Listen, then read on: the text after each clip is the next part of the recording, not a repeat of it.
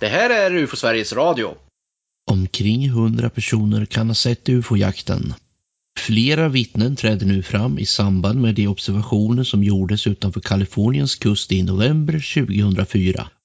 Observationer som blev offentliga i december 2017 sedan New York Times avslöjat ett tidigare okänt och hemligt Pentagon-program för att undersöka ufo-iakttagelser gjorda av försvarspersonal.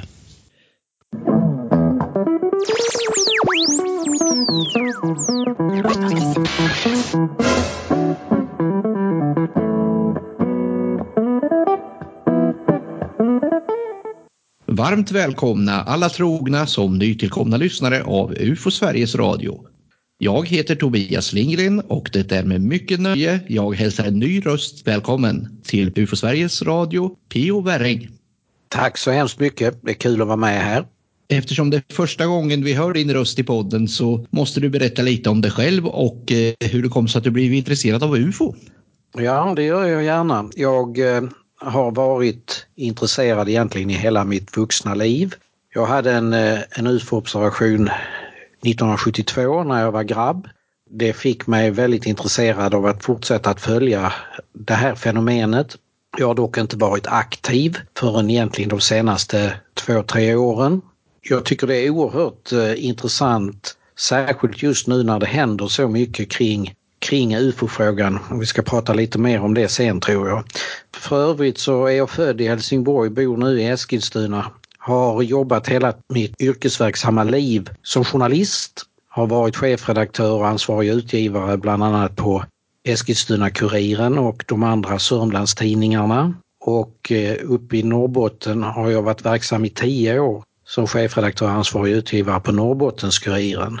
Jag kan väl säga så här att vi har ju inte riktigt från medias sida behandlat det här ämnet på ett bra sätt tycker jag. Det har varit ganska styvmoderligt behandlat. Men eh, det har blivit bättre med åren och framförallt så har det blivit riktigt bra, eller nästan riktigt bra eh, under de senaste två, tre åren. Framförallt eh, i USA. Här i Sverige har vi nog rätt mycket att lära fortfarande. Förlöjligande och så finns ju inte kvar längre.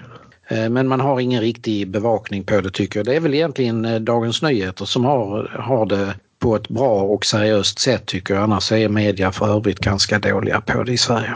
Men de är ganska snabba på att snappa upp TT-artiklar. Ja, det kan de göra eh, ganska fort ju. Men det, jag tycker inte att det är Problemet är väl att alla skriver exakt samma sak då. Då blir det ju samma sak. Det blir samma artikel i alla tidningar och alla vad heter det, sajter på webben och liknande.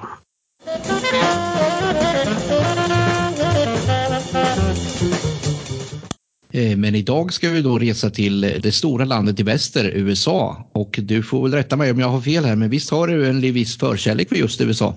Det kan man väl i och för sig säga. Det behöver ju inte innebära att man eh, sympatiserar med den eh, politiken som är där. Men det är ett intressant och spännande eh, land. Det händer mycket där och man har alltid sagt att det som händer i USA kommer till Sverige och Europa om, om 10-15 år och jag har kunnat konstatera det tycker jag vid många tillfällen att det är precis så det är. Det innebär ju inte att man behöver vara före egentligen på det sättet men trender och liknande slår igenom tidigare i USA USA än vad det gör i övriga världen. Det inkluderar då ufo-fenomenet tycker jag nu där man sedan två år tillbaka ungefär ganska exakt december eh, för, eh, för två år sedan 2017 eh, och då man började publicera uppgifter kring en observation som amerikanska flottan hade gjort flera år tidigare, eh, nämligen i den 14 november 2004. Och det förändrade allt,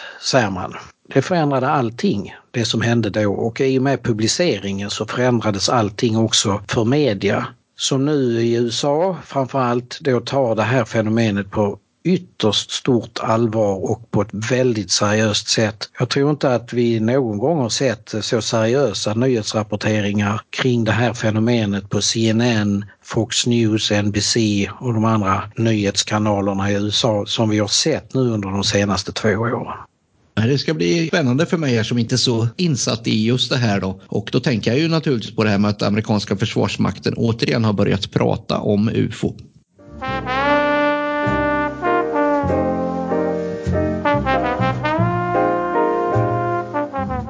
Ja, de har inte bara börjat prata om det utan när det gäller US Navy som är på något, på något vis då centralpunkten i, i, den här, i de här observationerna som vi ska prata om just nu så kan man konstatera då att de har gått ännu längre. Man har alltså officiellt från amerikanska flottan gått ut och sagt att det här fenomenet är ett verkligt fysiskt fenomen och eh, man har inte en aning om vad det är. Men man kan bara konstatera att detta fenomenet det kränker amerikanskt luftrum och även avlyst eh, luftrum som, som finns i anslutning till militära anläggningar, även flottans anläggningar. Och man kan alltså inte göra någonting åt det, man har inga medel för att stoppa det. Spännande. Du får fritt spelrum och reda ut begreppen. Ska vi försöka med någon kronologi? Ja, vi kan väl göra det. Det här började som sagt eh, den 14 november 2004 och då var den stora amerikanska flottstyrkan USS Nimitz Strike Force ute på övning utanför Kaliforniens sydkust, egentligen någonstans ut i havet från Los Angeles och San Diego, eh, rakt ut i havet där. Och eh, USS Nimitz Strike Force, eh, det är då hangarfartyget USS Nimitz som har ett hundratal eh, flygplan ombord av eh, i huvudsak av typen F18 Hornet som är det modernaste och mest avancerade stridsflygplanet som finns. Men där ingår också olika typer av slagskepp och, och olika typer av robot, alltså missilrobotfartyg och liknande. I den här Strakeforcen så ingår det ungefär 6000 man och ett tjugotal fartyg varav då merparten är just på eh, själva hangarfartyget USS Nimitz. Så det är mycket, mycket folk och mycket grejer helt enkelt. Det här Strakeforcen den rörde sig då i ett område som eh, är egentligen från Catalina Island till eh, den mexikanska gränsen ner mot där. Och man var en bit ut eh, i havet, man kan säga att man var precis bortanför horisonten sett från Los Angeles. Det är inte så väldigt många mil iväg eller sjömil iväg ändå så att säga på det som man skulle kunna beteckna som, som öppet vatten, som öppet hav. Men man skulle kunna åka hem på kvällen när man var färdig? Ja, man skulle nog kunna göra det faktiskt och eh, det finns ju de som har flugit tydligen med helikopter då från förmodligen eh, San Diego flottbasen. där har ju USA sin stora flottbas. Så att man flyger ju på ganska kort tid med, med även en helikopter då ut till den platsen där USS Nimitz Strike Force fanns. Men de hade någon speciell övning då alltså? Eh, jag tror inte att det var någon speciell övning på det sättet att det var namngiven eh, eller att man hade någon form av koordinering med andra länder och eller andra vapenslag. Utan det var nog en, en helt vanlig övning och det är väl egentligen det man ägnar sig åt mest helt enkelt i fredstid, att man, man övar och övar. Och då så fanns det i den här eskadern ett eh, missilfartyg som heter USS Princeton som också fungerar som eh, en form av eh, huvudpunkt för radarövervakningen för hela eskadern. För på USS Princeton så har man eh, amerikanska försvarets mest avancerade och modernaste radaranläggningar. Den får alltså då tjäna som eh, radarögat för hela, för hela eskadern. Man har ju radar på alla fartyg givetvis och man har också ombord på hangarfartyget ett, ett flygande radarplan eh, med en stor sån här disk som roterar ovanpå planet. Som man då ju givetvis har i luften rätt mycket. Annars så landar det på, på hangarfartyget och, och är stationerat där. Inte ett sånt här AWACS utan ett lite mindre kanske? Ja, ett mini-AWACS. Där fanns då en man eh, som Eh, var radaroperatör som eh, heter Kevin Day som plötsligt observerade en mängd olika objekt som rörde sig eh, i klunga eh, om två till nio objekt samtidigt. Detta var under flera tillfällen under några dagar. Men de här objekten, de skulle givetvis inte finnas där. Man hade ingen aning om vilka föremål det var. De rörde sig från Catalina Islands sydspets sydväst i sydvästkurs ner mot eh, mot mexikanska kusten helt enkelt. Men de undersökte om det inte så att det inte var en sån radarspöken och såna grejer? Ja, det gjorde man då.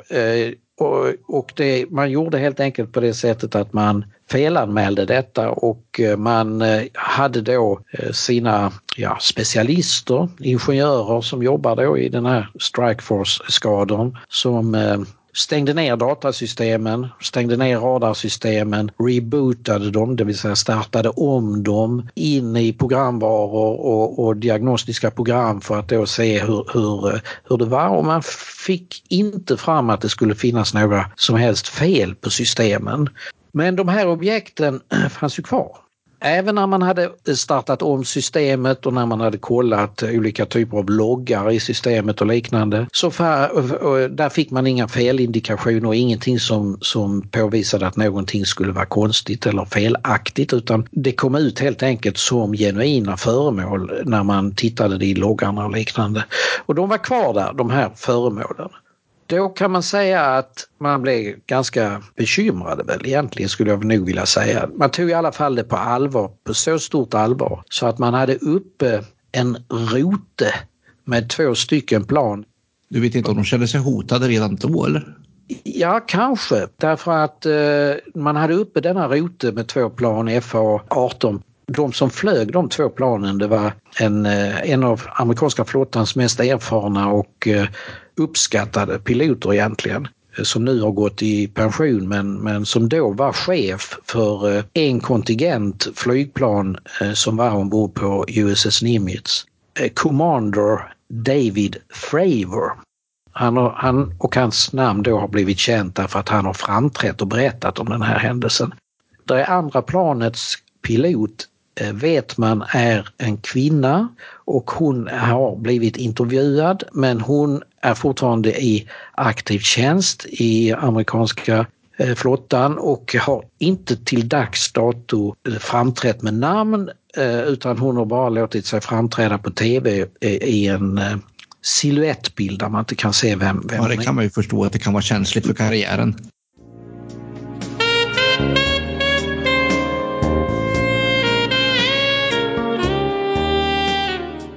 Ja, det har varit otroligt känsligt. Alltså man kan säga att alla de som faktiskt nu har uttalat sig kring den här händelsen, för låt oss säga går vi tillbaka på 20 år, så hade deras karriär varit slut. De hade aldrig fått något avancemang inom, inom någon av försvarsgrenarna, oavsett vilken det skulle vara då. Jo, de är ute då på någon form av manöver då, får plötsligt höra via radiolänken till, till flygledningen att eh, har ni eh, robotar ombord? Alltså stridsrobotar ombord. Commander Fravor då har berättat då att han blev väldigt förvånad eh, för att få den frågan. Han hade aldrig fått den någon gång. Han och hans wingman, den här kvinnan som flyger det andra planet, de eh, funderade på vad detta kunde vara och, och kom fram till att ja, det kanske kan vara att, att det är någon eh, drogsmugglare, narkotikasmugglare som är ute här på, på havet och att man ska då eh, eh närma sig dem och kolla och eh, de är ju också beväpnade de här drogsmugglarna många gånger. Det var väl därför de hörde efter. Men de har ju inga vapen för de är ute på bara en, en, en övning så att de här poddarna som eh, hållarna som sitter under planet, framförallt under planets vingar då, eh, de är, har enbart lösa missiler. Eh, de sitter där helt enkelt för att ge rätt eh, aerodynamisk signatur för planet eh, men, men är alltså helt då omöjliga att använda i stridssituationer. Attrapper mer eller mindre? Ja exakt, det är rätt ord. Och eh, då, då meddelar det att vi har ingenting här. Nej, okej, okay, vi vill att ni ska flyga till den och den punkten. De fick koordinaterna där alltså. Eh, för att eh, vi har en, en uppgift om att, att det ska finnas föremål där som vi skulle vilja att ni skulle ta och identifiera. Det blir ju ännu mer konstigt tycker Fravor och hans kollega men de gör ju som militärer alltid gör, nämligen följer order och så att de ställer in planet mot den Men de hade i det läget inte någon, någon vetskap om de här radarobservationerna tidigare? Nej, och de är alltså ovetande då om det som ska ha hänt vid denna tidpunkten. Och vid de koordinaterna så ser de nere i, i havet, i Stilla havet helt enkelt där. det är som liksom ett vitt område som är alldeles vitt. Ungefär som havet skulle skumma där lite. Skulle vara lite, lite som man kallar ibland gäss på. Var det ett stort område? Det området säger Fravor att det var ungefär i storleken som en Boeing 737. Det är ganska stort. Ju. Det första de tror då det är att det är ett flygplan helt enkelt som har störtat där. Samtidigt så lägger då både Fravor och hans rotekollega märke till att det flyger ett vitt föremål på mycket låg höjd ovanför detta vita vatten. Det rör sig lite fram och tillbaka ungefär som av slumpen ungefär. Va? Men det håller sig till den här punkten? Ja, det gör det. Platsen? Ja. Och då säger Fravor till sin roteman, nu går jag ner för att uh, ha närmare observation på detta. Och då går han ner i en högersväng som skulle vara som en korkskruvssväng egentligen. Alltså han skulle som en spiral gå ner då till vattenytan ungefär och eh, titta vad det föremålet var för någonting. Eller föremålen om det var ett i vattnet också. Men samtidigt så går då det här lilla mindre vita föremålet i en motsatt spiral uppåt och speglar då det här F18-planet. I flygvapenkretsar så är den signalen tydligen att man helt enkelt gör en form av eh, attack, engagement.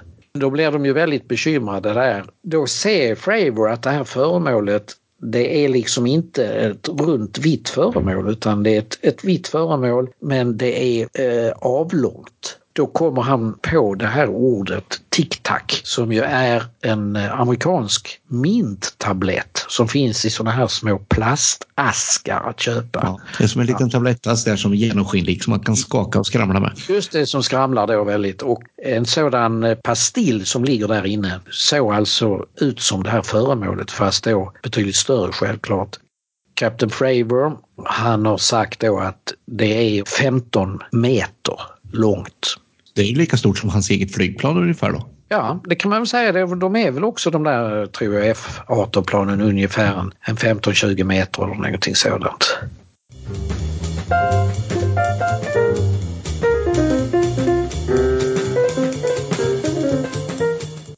Och de håller på då att spegla sig mot varandra där som det heter. Efter en stund så kommer då föremålet oerhört nära Fravor och hans plan då plötsligt så bara liksom ökade hastigheten blixtsnabbt och försvinner iväg och är borta. Men han har haft visuell kontakt? Både han och den, eh, hans eh, kollega i det andra planet hade visuell kontakt. De såg det med egna ögon och har beskrivit detta, formen och allting. Det finns en del andra konstigheter som jag snabbt kan nämna. Det är att eh, efter en stund så får då Commander Fravor ett eh, meddelande från sin flygledning och säger då att eh, de har eh, föremålet på eh, radar. Flygledaren där säger att du kan inte tro vad jag säger nu men de är vid er rendezvouspunkt. Och det som är det märkliga med detta det är att hur kunde föremålet veta var rendezvouspunkten fanns? Det var ju inte utsagt. Det ligger ju i flottans datorer var det skulle vara. Dessutom hade det, det föremålet tagit sig dit på så kort tid så att det skulle vara enorm hastighet det skulle ha flugit på för att komma till den här punkten så snabbt. Det var där ungefär man kan säga att det började förutom då de här radarsignalerna som Kevin Day fick in på radarsystemet ombord på USS Princeton. De här radarobservationerna var ju väldigt märkliga i sig därför att den här eh, fartyget USS Princeton som är en missilkryssare. Deras radar går ungefär upp till 70-80 000 fots höjd. De har liksom ingen anledning att spana ut mot rymden utan deras uppgift är ju att se om det är inkommande missiler som hotar fartygen. Men då kan Kevin Day och hans kollegor se på radarskärmarna att uppe på ungefär 70 000 fots höjd finns radareko som precis påminner om tic-tac-föremålet som David Fravor och hans kollega såg. Plötsligt så försvinner eller faller de här föremålen rakt ner och stannar på ungefär 20 fots höjd över havet. Utan att göra någon inbromsning? Exakt. Och det tar enligt mätningar som de gjorde på USS Princeton så tog det 0,7 sekunder för föremålet att gå från 70 000 fots höjd till 20 fots höjd. 70 000 fots höjd, det är lite högre än vad de där amerikanska flygplanen kan komma upp i väl? Ja, det tror jag också. Inga ljudbangar, inga sonic booms. Eh, och eh, Kevin Day och någon av hans kollegor då som också har framträtt eh, offentligt och berättat om det här säger att under några dagar så var det ett hundratal objekt som gjorde samma typ av manöver från mycket hög höjd ända ner till ytan under några men, dagar. Men så nära vattnet, hade man täckning på radarn där också? Ja, tydligen. Jag tänkte, vad, vad hände sen? Vad gjorde de sen? Stannade de bara där? Många av dem drog rakt upp igen och försvann så att säga från, eh, på grund av höjden Vissa uppgifter förekommer också om att eh, en del av dem fortsatte ner i vattnet.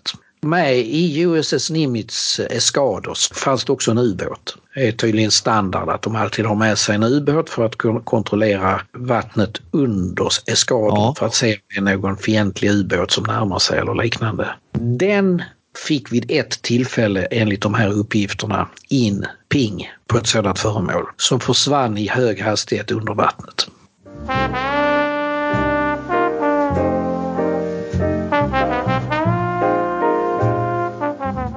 Det här hände då 2004. Innan dess hade de inte sett sådana här...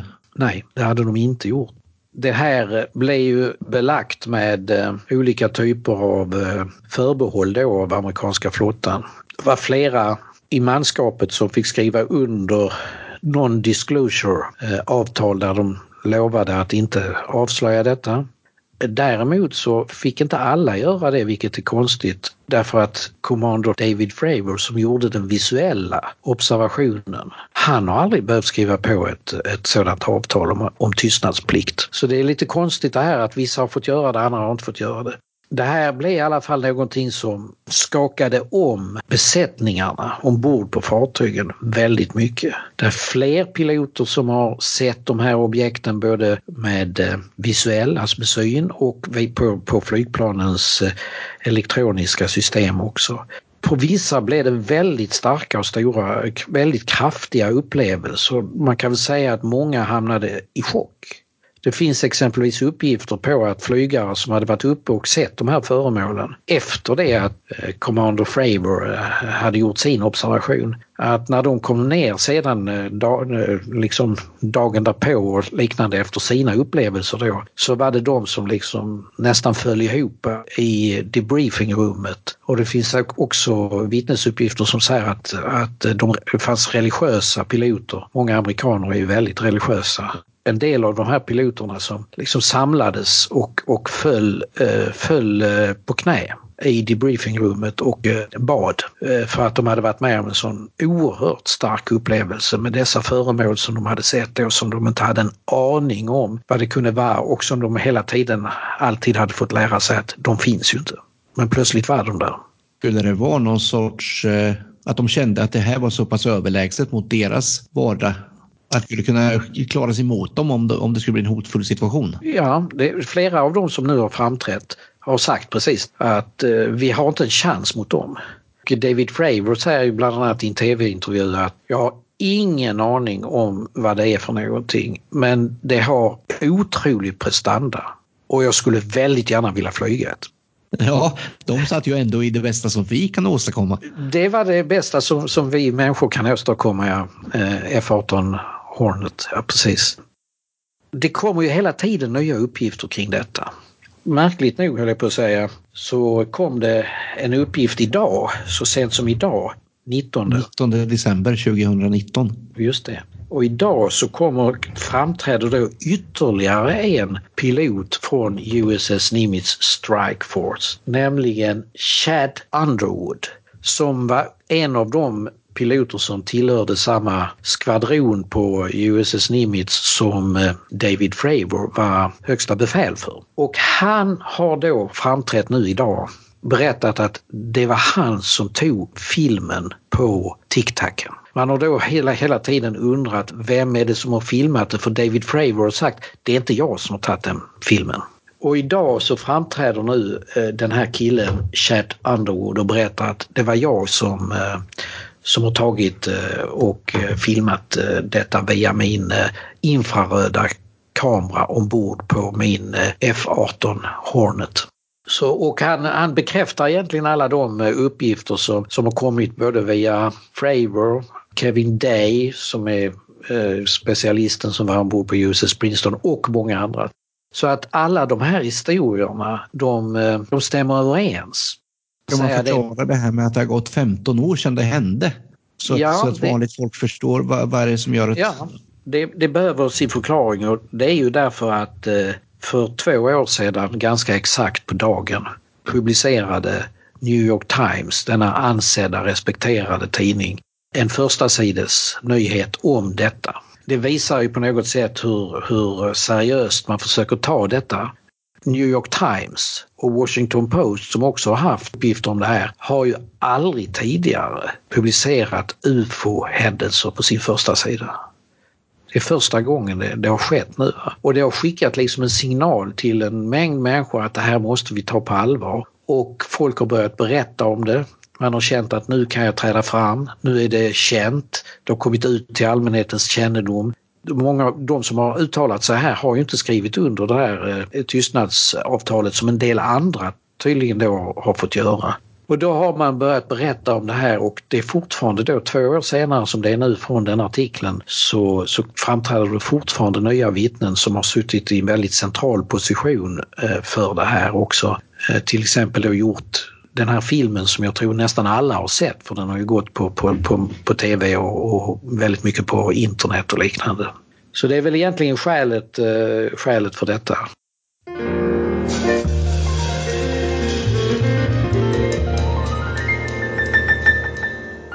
Men hur kommer det sig då att eh, Washington Post och New York Times att de kommer just 2017? Jag tänker mig att det går ju ändå väldigt lång tid emellan.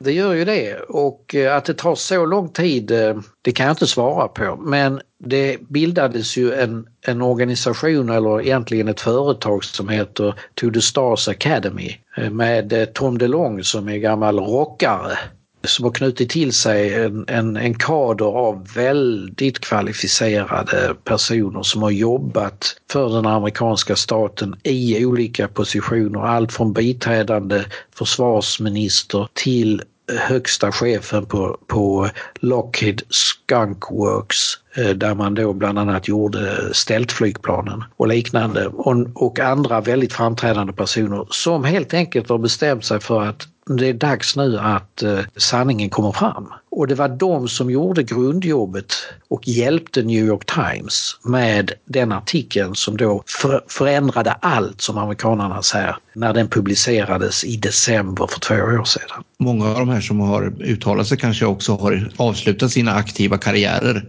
Som inte, de är inte lika rädda för brödfödan så att säga. Nej, men det, så är det och de som jobbar i, i To the Stars Academy och, och hjälper till med, med, med, eh, forskning kring det här, det är ju ingen av dem som har kvar sina gamla jobb men de jobben de har haft är ju imponerande. Det är inte så många som kan visa upp sådana CV som de har va? Eh, och de har ju direkt kontakt eh, med givetvis med gamla kollegor i, inom, eh, inom den amerikanska regeringen som man kallar det för i USA. Har det varit en förutsättning för att kunna göra det här jobbet att de inte fortfarande är kvar på de där positionerna? Ja, det skulle inte kunna gå. Då, det... För där har man tystnadsplikt mer eller mindre. Ja, det är det. Man har ju frågat, man har försökt ställa frågor ju till exempel till den här killen som var chef på Skunkworks Lockheed Martin då. Och han är ju jättesnabb med att bara säga, jag pratar inte om någonting som har med mitt tidigare jobb att göra. Men han har ju kontakterna fortfarande givetvis och kanske kan få fram nya saker som inte har varit kända tidigare och liknande.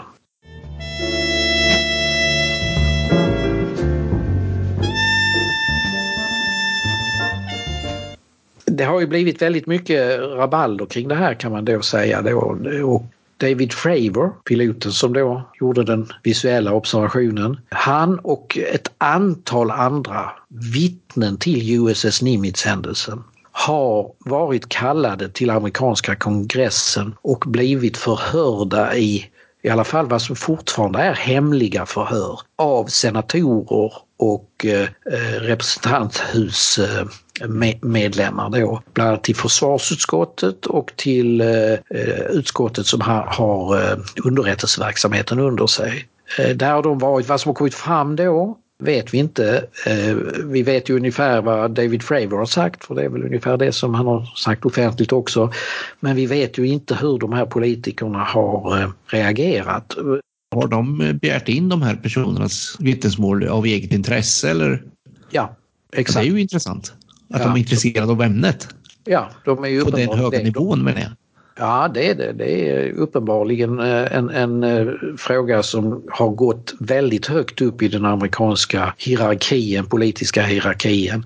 Till och med eh, president Trump har ju fått frågor om detta i Fox News i en, i en intervju där och Trump är ju en mästare på att, på att svara på sätt som man inte riktigt begriper vad han menar. Och det gjorde han i det här fallet också. Men det, det, gick ut på ungefär som så här att ja, jag vet inte det här, eh, eh, det är konstigt liksom säger han. Och, och, men säger piloterna det så ja varför inte? Och eh, så ja, man vet inte riktigt vad han tycker och vad han tänker. Men han har alltså blivit, blivit han har dessutom sagt att jag har speciellt blivit briefad om detta. Och det är en väldigt intressant uppgift att han berättar detta för att man har hittills aldrig kunnat få fram någonting som säger att en amerikansk president har blivit briefad om detta med möjligt undantag för eh, president Eisenhower.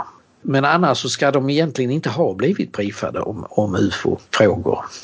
Och vilken tid var det Eisenhower skulle ha blivit briefad? Ja, det skulle väl varit som en följd av eh, eh Roswell-händelsen. Ja, ja. Eh, och det skulle vara då omkring, eh, om, omkring 40-50-talet.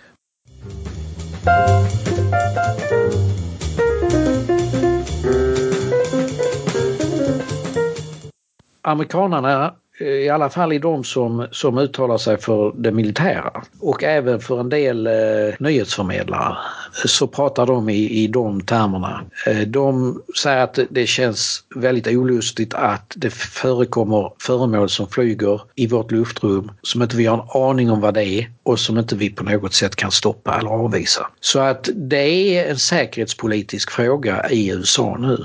Och det är den säkerhetspolitiska frågan som drivs fra, driver egentligen fram hela det här samtalet och de, de eh, frågor som kommer i dess kölvatten. Sedan detta då eh, uppmärksammades för, för två år sedan då för den breda allmänheten så har också en annan strike force, det finns ju några stycken sådana amerikanska, nämligen Roosevelt, USS Roosevelt. De har också trätt fram och sagt att på östkusten där de håller till, USS Nimitz Strike Force håller i huvudsak till på amerikanska västkusten medan då USS Roosevelt och den strikeforcen den håller till på den amerikanska östkusten. De har då gått, eh, flera av deras eh, piloter bland annat och andra medarbetare har gått ut och sagt att de har också haft den typen av observationer. Då är vi i Atlanten ja. och när det gäller då denna USS Roosevelt så, så blev den, eh, och detta är mycket senare för detta är 2015, 2016 det är nästan nutid. Det är ju nästan nutid ja. Och de blev då eh, dirigerade till eh, Persiska viken på ett uppdrag där väl för att spänna musklerna från USAs sida och hålla koll på läget där. Ja. Deras perspektiv. Då berättar de att de här föremålen som de sa såg i, säger sig ha sett i princip dagligen. De följde med till Persiska viken. Någon som övervakar dem kan man tänka sig. Ja, det, om detta stämmer så låter det ju på det sättet. De säger just det att ja, det här blev så vanligt så att vi eh, slutade prata om det. Det var vardagsmat för oss att man såg eh, okända föremål som rörde sig då kring eskadern och, och liknande. Men det som är intressant att säga då det är ju att många av de som har trätt fram säger att de verkar inte intresserade av oss. Det är nästan så att de eh, vill ta sig därifrån när de märker att vi är i närheten av dem. Det stämmer möjligtvis inte riktigt då på det som händer på östkusten då med USS Roosevelt. Eh, eftersom de, om de då har följt efter den här eskadern till ja. Persiska viken så stämmer ju inte riktigt det. Men det är i alla fall uppfattningen från USS Nimitz Strike Force. De verkar inte intresserade av oss. De lever sitt liv ungefär va? Och, och struntar i oss och vill att vi ska strunta i dem ungefär. Va? Så det är också en väldigt märklig fundering. Detta har då gjort eh, en del människor inom det amerikanska etablissemanget bekymrade därför att de flesta observationer har gjorts utanför eh, amerikanska delstaten Virginia. Därifrån kusten vid Virginia så är det väldigt nära till både Washington, Vita huset, Pentagon och alla de väsentliga installationer som, som finns då för, för amerikansk ledning, både civil ledning och militär ledning. Och då säger de så här att det känns ju lite konstigt att de här föremålen kan, kan flyga till Washington eh, på bara eh, några minuter med de hastigheter som de har uppvisat sig kunna prestera. Däremot så, så eh, vet man ju inte om de ska ha gjort det men det kom ju fram nu bara för 14 dagar sedan tror jag det eller möjligtvis tre veckor sedan, att man stängde ner allt luftrum över Washington DC.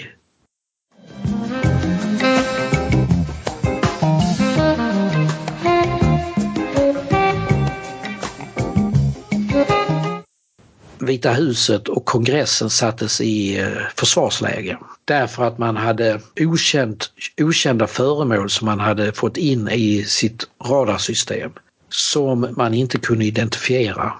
Detta är fortfarande en gåta för eh, amerikansk militär och amerikanska myndigheter. Så sent som igår så hade de uttalat från amerikansk, eh, amerikanska myndigheter att vi vet fortfarande inte vad det var för någonting som orsakade stängningen av luftrummet över Washington DC.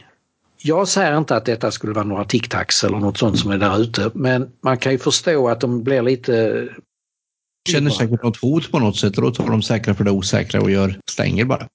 Exakt, det är ju det de har gjort men de vet fortfarande inte vad det var som orsakade de här observationerna, förmodligen då digitala eller, eller eh, elektroniska observationer. Jag har inte hört någonting om att det var några som skulle ha sett det med sina egna ögon. Men, men, eh, men ändå, det skapar, det kan, förmodligen Tobias är det som du säger att man tar det säkra för det osäkra.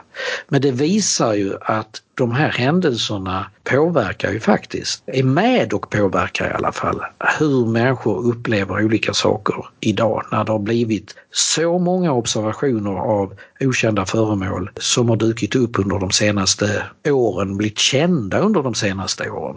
Vi får väl se liksom och följa detta forts, fortsatt. Det är som, som jag sa innan, nästan varje dag kommer det nya uppgifter kring detta. Rapporteras väldigt mycket i amerikansk media.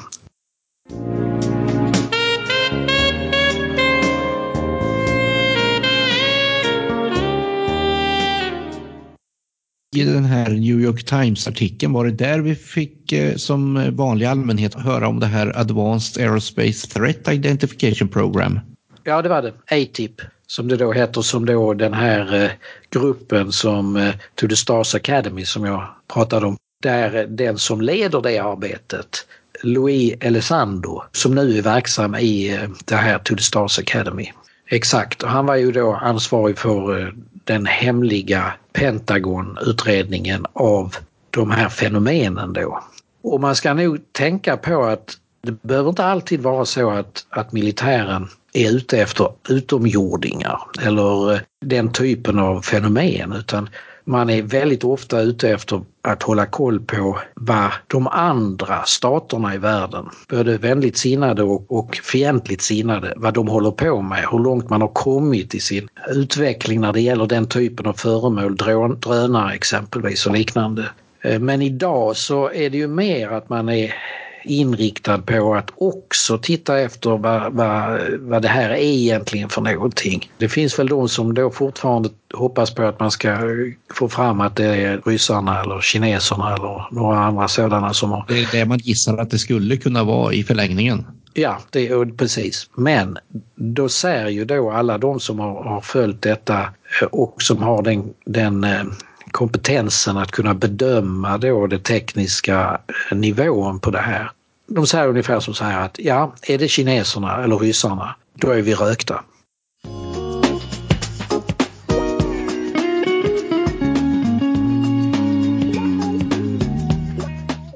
För då är de långt efter, måste de inse då? Då, då är USA otroligt långt efter.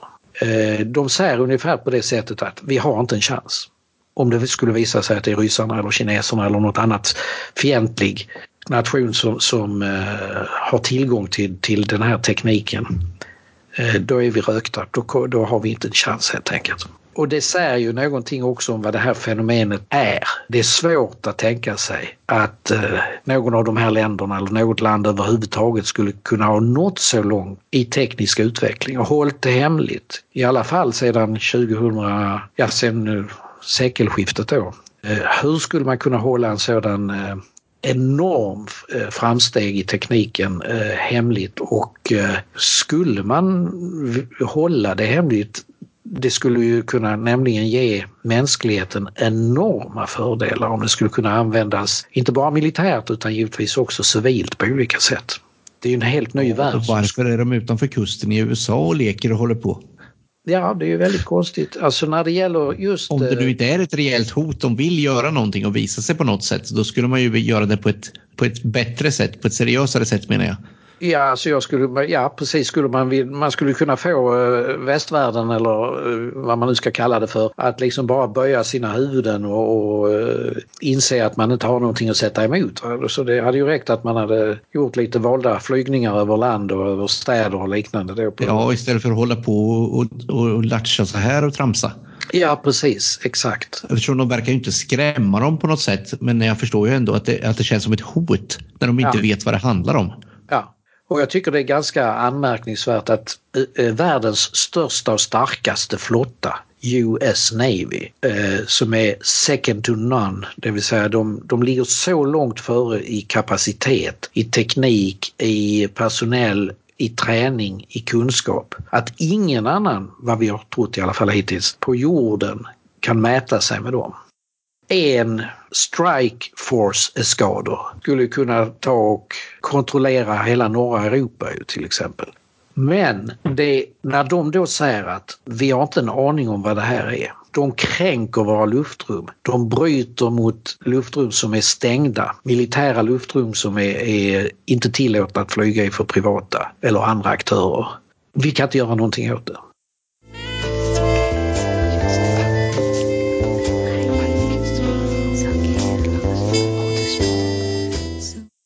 Det tycker jag är nog det mest anmärkningsvärda som jag tror jag har hört överhuvudtaget kring egentligen ufo-fenomenet. Det känns ju väldigt stort. Det naturliga vore väl att lägga locket på och inte prata om det. Ja, men det har de... Det är väl det vi hade förväntat oss. Ja, men det har de alltså inte gjort utan framförallt amerikanska eh, flottan då har, har gått den andra vägen. Eh, däremot så är ju Air Force, US Air Force och US eh, Army är tystare. Det finns alltid en, har alltid funnits en rivalitet mellan US Navy och US Air Force. Och US Air Force är fortfarande helt ointresserad av, av den här typen av observationer och den här typen av föremål och liknande. Jag tänkte att de borde väl dela luftrum emellanåt? Ja, man tycker ju det och det, och det, det är mer egentligen US eh, Air Force då som skulle vara intresserad tycker man om det, detta men det är det inte utan det har alltid, även sett bak, tillbaka 20-30 år, så har det alltid varit flottan som har varit mest intresserad. Det förklaras genom att flottan rör sig över större områden. De är så att säga, har visuella och tekniska möjligheter att avpatrullera stora vattenytor. De skulle då på det sättet ha helt enkelt en möjlighet att, att kunna få och göra fler observationer än eh, amerikanska flygvapnet då som har sina baser och sen så får de pipa upp sina plan då så jag vet inte exakt hur lång tid bränslet räcker, en timme, två kanske på de här jaktplanen och liknande. Det gör att deras observationsmöjligheter är mycket mindre än amerikanska flottan. Det har i alla fall framförts som en förklaring till varför det är amerikanska flottan som är mest intresserad av det här. Men de här okända föremålen kanske inte heller ger sig in i över land, över kontinenten så att säga? Enligt de här uppgifterna så gör de det ju. Men, eh, men eh, det har inte kommit fram några, några uppgifter om vil, var någonstans de har, har eh, observerats då. För där är inte marinen? Ja, de har ju, amerikanska, eh, amerikanska flottan har ju faktiskt också eh, landbaser och träningsbaser på land. Ja, jag är inte så insatt i hur de jobbar egentligen. Nej, det, det, alltså de jobbar ju väldigt annorlunda än vad man gör till exempel i Sverige eller i Europa. Armén har också ett flygvapen.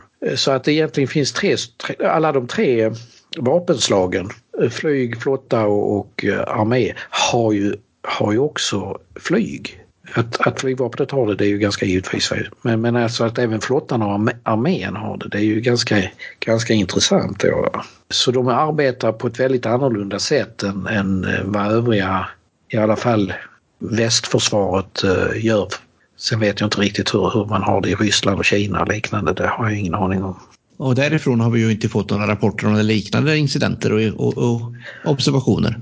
Nej, det finns ett rykte däremot och då vill jag bara betona då detta att det är ett obekräftat rykte men det, ryktet är att amerikanska myndigheter har tagit kontakt med myndigheter i andra länder, bland annat Ryssland. Kina har inte nämnts, men Ryssland och andra europeiska länder för att samarbeta kring att samla in information som kan förklara vad detta är för någonting. Obekräftade uppgifter vill jag betona då.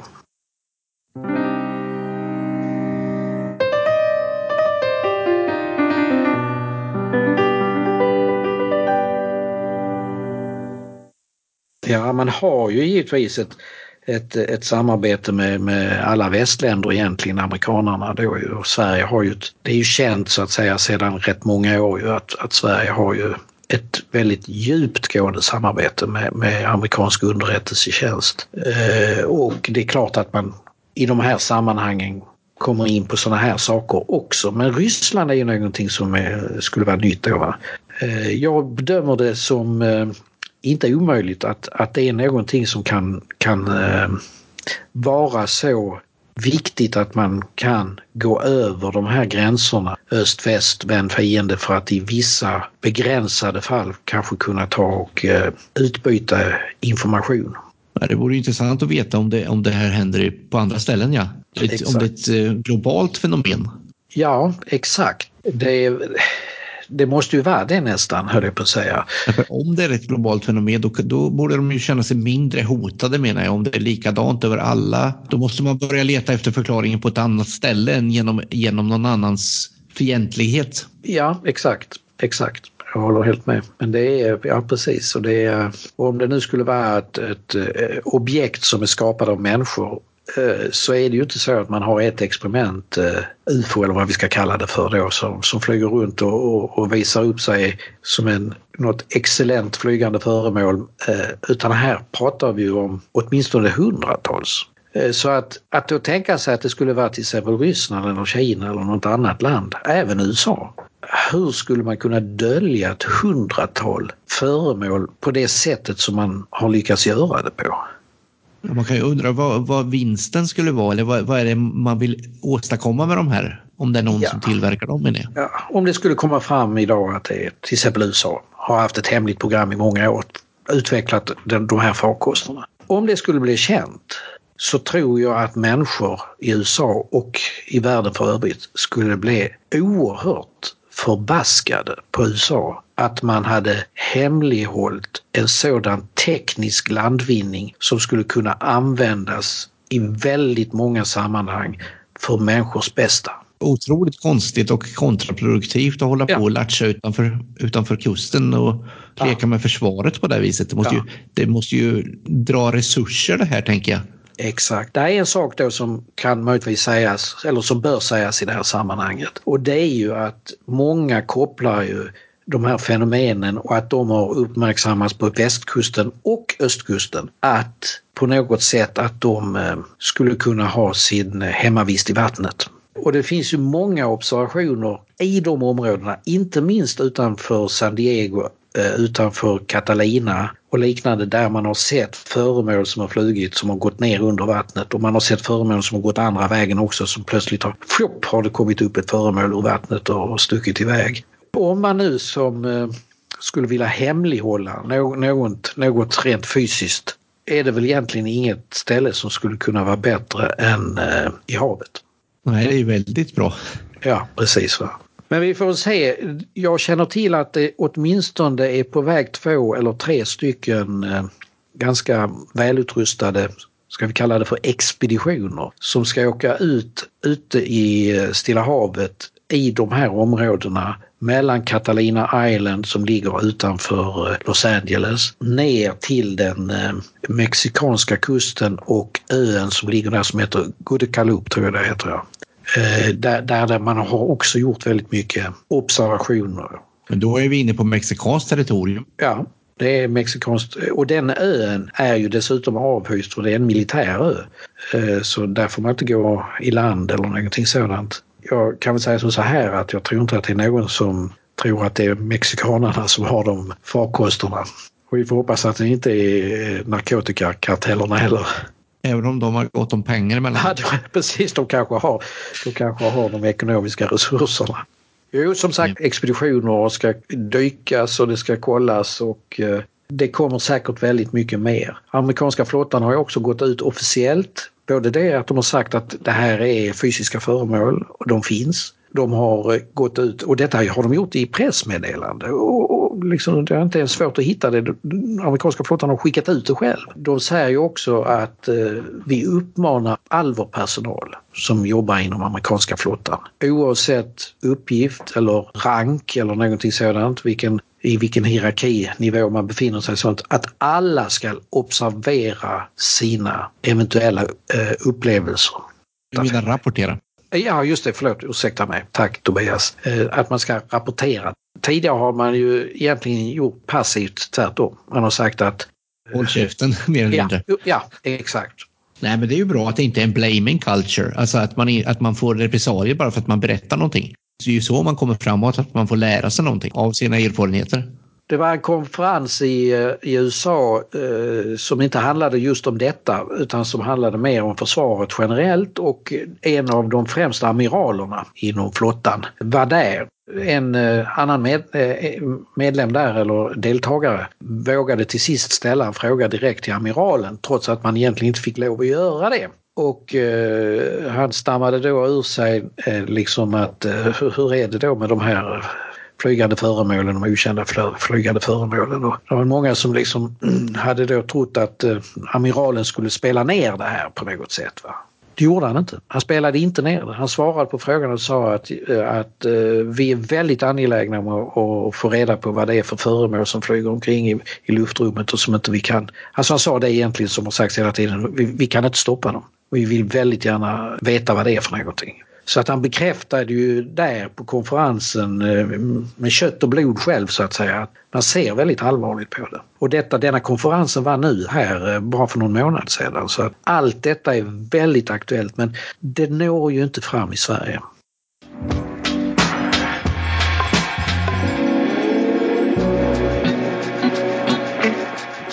Det är ju UFO Sverige rapporterar och så är det i viss mån Dagens Nyheter och TV4. Det som jag vet att vi har fått se det är ju de här tre filmerna som har spelat omkring mycket på Youtube och man får se lite av de här flygfilmerna då.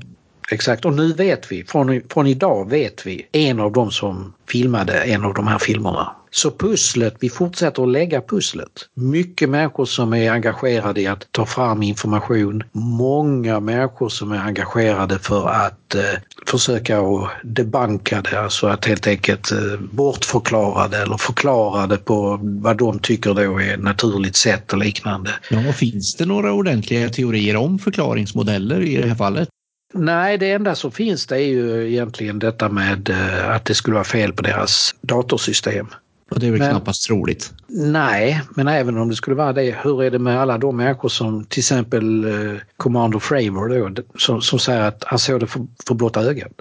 Ja, men jag menar då skulle de bli ganska skraja om det är fel på grejerna både på östsidan och västsidan av USA.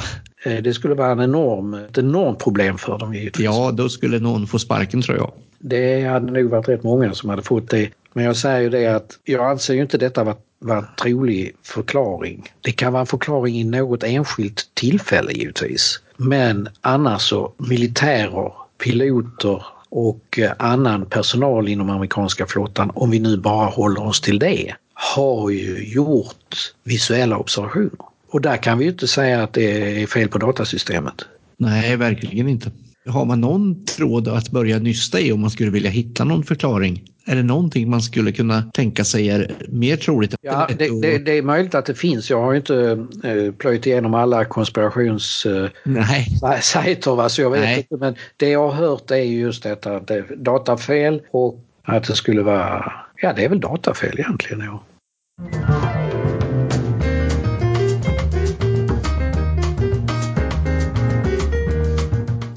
Det som jag tycker är skönt är att det inte är så mycket Hollywood över det hela. Nej, det är det ju inte. För det hade det varit förr i tiden tänker jag mig att det hade varit mera då rymdinspirerat och alien. Det är jag väldigt glad över att det inte är och det gör väl också att, att det har fått mer av en seriös prägel nu. Ja, jag tror det också. Jag håller helt med dig. Eh, det är ju ingen som pratar om aliens eh, Nej. i det här sammanhanget. Ingen, ingen som försöker eh, se det här, de här händelserna seriöst i alla fall. Nej, det, det tyder ju också på att man har tagit och lyssnat på, på fakta. Ja. Inte börja spekulera hit och dit ogrundat. Nej, precis. Det är ju viktigt givetvis att behålla seriöst seende på detta och inte låta fantasin flyga iväg så att säga. Nej. Det finns för de som vill så, så kan man ju då rekommendera Youtube faktiskt. Förutom då UFO Sveriges eh, sida då ufo.se där det finns eh, en hel del att läsa om detta också. Och så, så eh, på Youtube så finns det både då CNN-inslag och eh, Fox News-inslag och NBC-inslag. Några lite längre som är uppåt 15 minuters nyhetsrapporteringsinslag från de här kanalerna då som är väldigt bra gjorda, väldigt objektiva och seriösa utan den typen av gliringar och leenden och skämt som tyvärr alltid följde med förr. Däremot ska man väl säga då att det kommer ju fram nya uppgifter hela tiden. Det finns säkert alla anledningar att återkomma till det här ämnet. Ja, vi hörs säkert i podden om det här igen. Men eh, nu kommer den frågan som börjar bli lite av en tradition. Vad skulle du vilja höra i podden framöver, P.O.? Ja, jag skulle kunna säga så, så här att eh, jag är väldigt intresserad på, av eh, UFO-observationer i samband med eh, skolor och skolbarn. Det finns ju både Ariel i Afrika och det finns Westfall, eller Westfall ska det nog uttalas, som eh, var i eh, Melbourne, Australien och en mängd andra observationer av både föremål men också i en del av fallen aliens.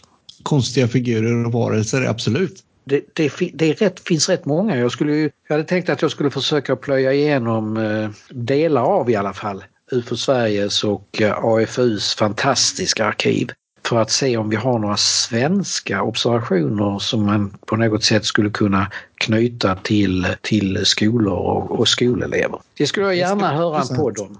Absolut. Då, då förväntar jag mig att du är gäst igen i podden. Ja, det skulle jag kunna vara eftersom jag just nu tittar just på, på, på de, den här frågan. Eh, något annat som vi har missat eller som du skulle vilja skicka med till lyssnarna? Jag vill gärna skicka med till eh, alla lyssnarna eh, att keep the eyes to the sky. Ja, det är en bra rekommendation. UFO Sveriges Radio görs av Riksorganisationen UFO Sverige. Frågor, önskemål, idéer och förbättringsförslag skickar ni till info.ufo.se UFO Sveriges Radio hittar ni där poddar finns. Ja, PO, säger vi väl tack för nu och på återhörande. Tack ska du ha Tobias.